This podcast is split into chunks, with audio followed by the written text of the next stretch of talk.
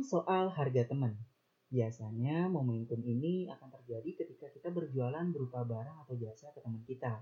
Contohnya biasanya kayak gini nih. Bro, gue lihat-lihat lu sering posting desain di IG lu. Atau yang biasanya berjualan makanan, eh lu jualan makanan ini ya? Berapa harganya? Gue biasanya jual segini bro. Ah mahal banget, masa sama temen lu sendiri segitu? Harga temen lah. Nah kan, keluar kata-kata harga temen. Harga temen dan harga temen. Yang jadi masalah adalah ketika kita berjualan, pastinya kita memikirkan keuntungan untuk keperluan tambahan kita, bahkan jadi mata pencaharian utama kita.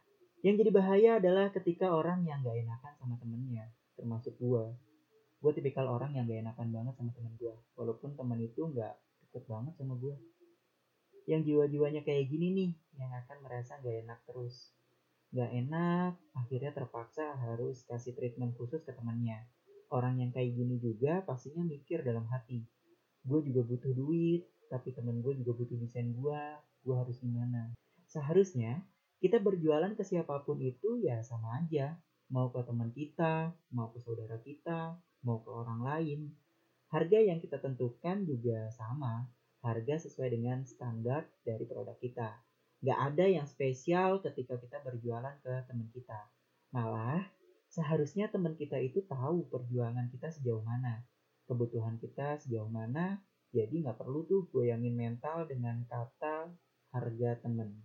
Gue mau sampein, ketika teman kita berjualan seharusnya sebagai teman menghargai usahanya membayarkan harga yang sesuai, tidak mengharapkan treatment khusus sebagai teman, apalagi teman yang baru dikenal. Lah orang baru kenal kemarin, giliran ada yang begini, kayak kenal lama aja.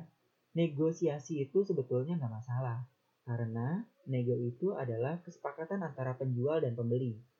Ini terjadi ketika si penjual open nego, tapi kalau nggak ada kesepakatan ya udah, mungkin kita nggak cocok, sampai sini aja udah. Tapi ketika sebagai penjual gak ada open nego, hmm, ya nggak usah menggunakan kata harga teman, bahkan sampai mengucapkan, halah cuma desain kayak gitu aja mahal.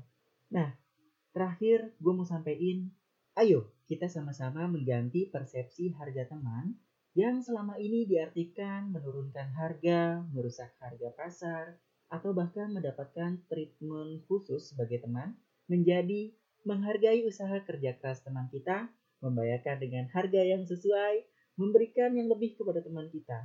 Karena sejatinya teman itu tahu kebutuhan temannya sendiri, tahu tentang usahanya dan kerja keras temannya.